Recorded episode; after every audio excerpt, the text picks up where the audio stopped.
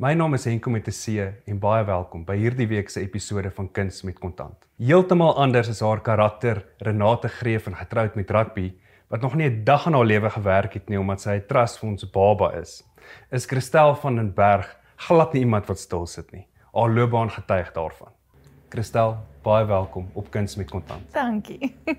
Kristal, is daar enige ooreenkomste tussen jou en Renate Greef? En fisies, ja, lyk ons nogal dieselfde.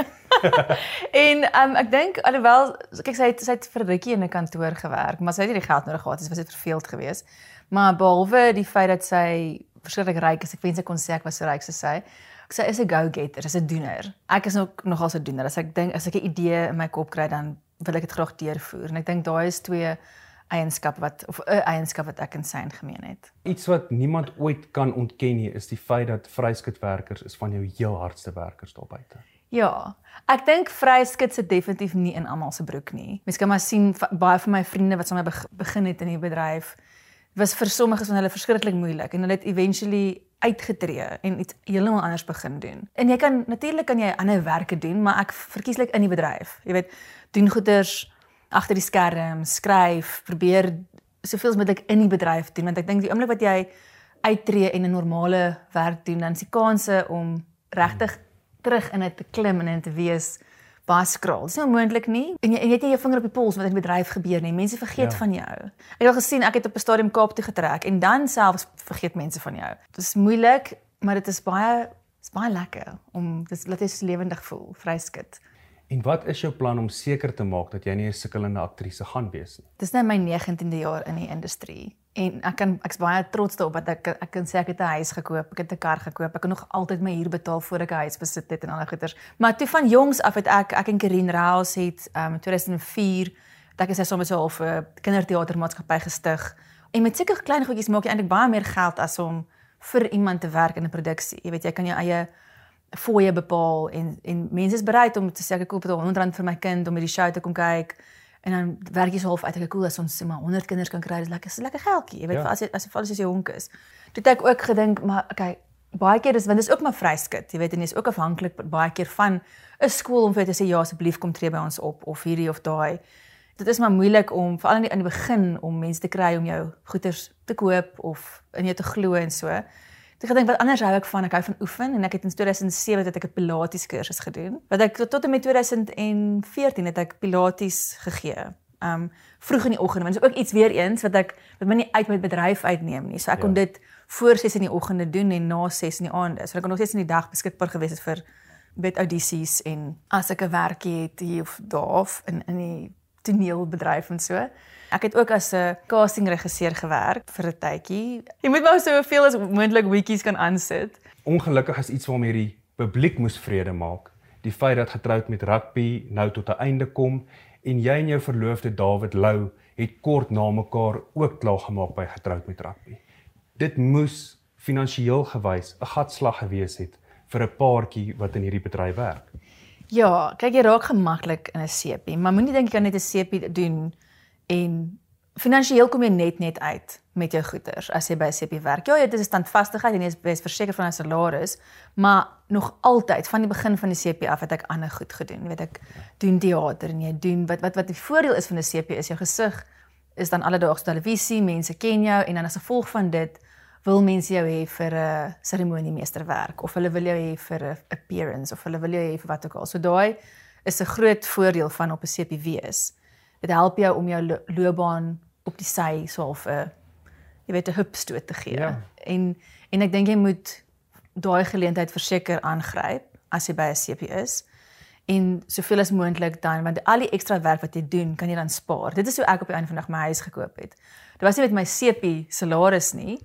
Ek kon die lening kry as gevolg van 'n salaris wat jy kry want anders ja. is dit mos onmoontlik om maar ek het my huis gekoop met spaargeld. Ja, ek het my kontrak geteken vir 'n jaar en toe 3 weke na ek geteken het, toe word ek in kennis gestel. Hulle skryf my uit die uit die show uit. En dis die ander slegte ding van akteurs is daar's nooit met crew en so hulle betaal nog akteurs val in 'n ander belastingskuld want omdat jy nie elke dag werk nie. Jy het 'n as jy by 'n maand by 'n CP is, is jy nie noodwendig 21 dae 'n maand op kol nie. Jy het 'n 15 dag ding wat jy maksimum moet werk anders moet jy meer betaal.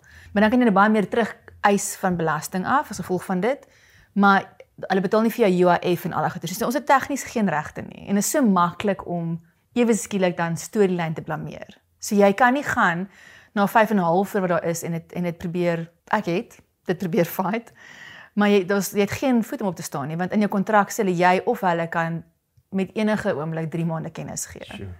Al het jy jou so 'n jaar kontrak beteken eintlik niks. So daardie dag toe ek in kennis gestel is dat dit is nou my realiteit, toe gaan ek ek kom by die huis in middag en ek gaan toe onmiddellik in survival mode in en kontak elke liewe persoon wat ek ken in die bedryf en sê vir hulle ek maak klaar en verskriklik baie mense was opgewonde want dit is baie keer wil mense jou gebruik vir iets en hulle kan nie want jy's vas in 'n CP en omdat ek so 'n hustlertjie is was ek toe 100% fine. En ek is toe intussen geseën deur ek wil nog altyd regie doen. En ek is die geleentheid gegee want ek het al 'n film geskryf en ek het nou nog 'n film geskryf, 'n uh, kyk net TV film. En ek is toe die geleentheid gegee om om dit te kon direk en nou in ja. April. Jy en David het 'n 1-jarige by die huis. Ja. Daar's 'n tweede enetjie op pad. Wat doen Christel en David vandag in hierdie bedryf en waar bevind julle julleself? So David is weg by getroud met rugby sy bedanking einde Oktober ingesit. Hy het einde Januarie klaar gemaak en dit ons nou weer getoer met 'n verhoogproduk wat hy geskryf het. So ek en hy albei gelukkig kan het ons vingers in ander paai. Ons albei skryf en doen regie en so. Ek kan dit nou sê. Ja. Ehm um, dan stuur ons met ons verhoogproduksie. Op die oomblik is ons nou eers pause ons vir so 2 maande tot na die babatjie is. Maar David het nog altyd hierdie droom om te boer baie lank storie, maar ek het hom te verlede jaar gemotiveer om dit te doen. Uit die aard van die saak baie makliker as jy boer is maar generasie ding, jy weet, plaas word oorhandig in generasie generasie en en hy het hy was nou nie ja. gelukkig genoeg gewees om dit te kon hê nie. Wat sê ek, maar dis nie onmoontlik nie. As dit 'n passie van jou is, kom doen jy dit. Het 'n verlede jaar vir my 'n paar beeste gekoop en grond gehuur by 'n vriend van hom wat hy ken of was meer 'n kennis gewees en ons was gereeld plaas toe by sy beeste gaan kuier, maar hy sê net hy wil by die beeste wees. En ons het nou 2 weke gelede plaas toe getrek en ons gaan nou boer. 'n Mens kan 'n voltydse beesboer wees en 'n deeltydse akteur. Dis kan, ek weet aan Strydom dink ja. ek doen dit, ja. Is dit moontlik om drama lesse aanlyn te kan aanbied? Funny you should say that.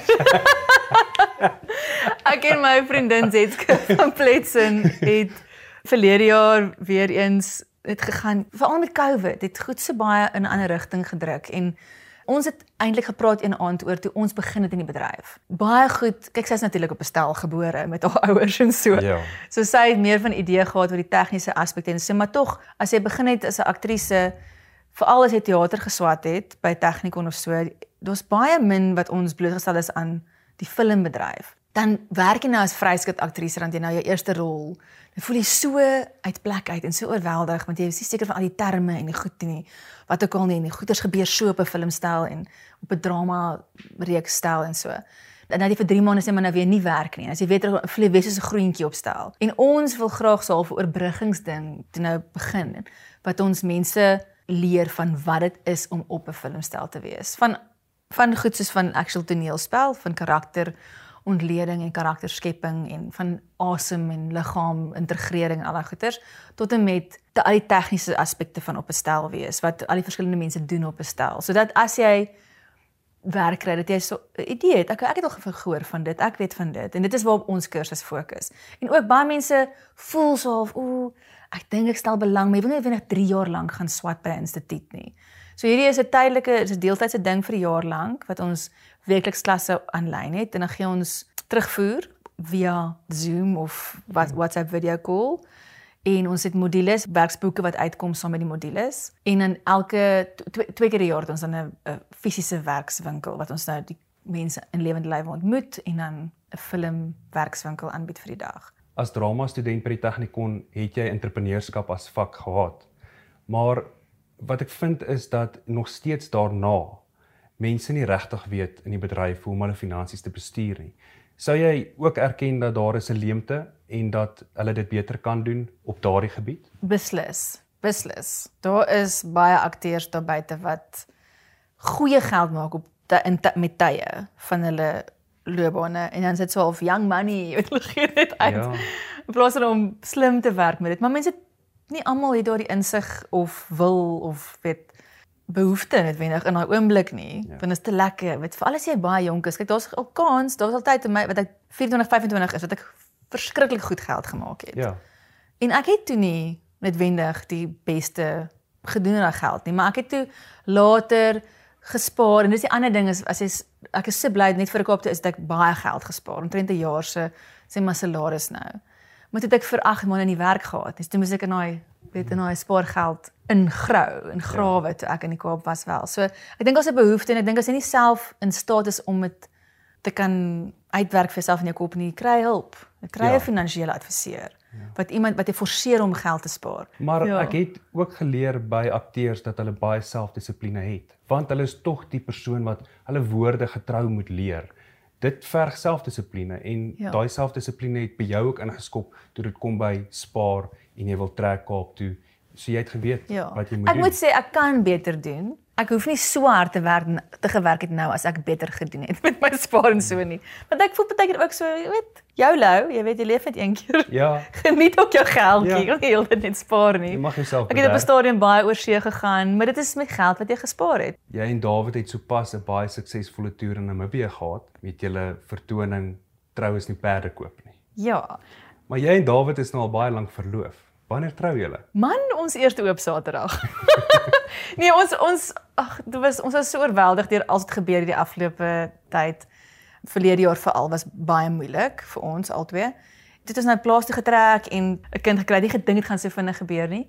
Obviously wil ons nou eers trou as die babatjie nou klaar hier is. So ons sal trou beplan wanneer dit nou rustig geraak. So hopelik teen einde van die jaar, ja wanneer 'n glanspaartjie in die vermaaklikheidsbedryf trou, is daar baie borge en spanne mense wat saamtrek om so troue moontlik te maak. Ja, jy kan jy kan kies watter roete jy wil gaan as 'n paartjie. Mense was baie geïnteresseerd in my en David omdat ons beide mense love dit. Um akteurs en bekende gesigte is in die bedryf. Mense hou nogals daarvan. Dis vir baie opwindend eerder as wat jy net met 'n normale persoon akteur is getrou. Ek trek jou been. Ehm um, maar hou of van 'n twee akteurs of 'n sanger, akteur, vir rugby speler en aktrise wat ek al trou. Kristal, dit was so lekker om te hoor hoe jy met alles woeker en ek wens vir jou alles wat mooi is toe en stuur baie groete vir David op die plaas. Dankie. Jy moet regtig kom kuier. Dankie, dit was lekker om met jou te chat. Dankie Kristal.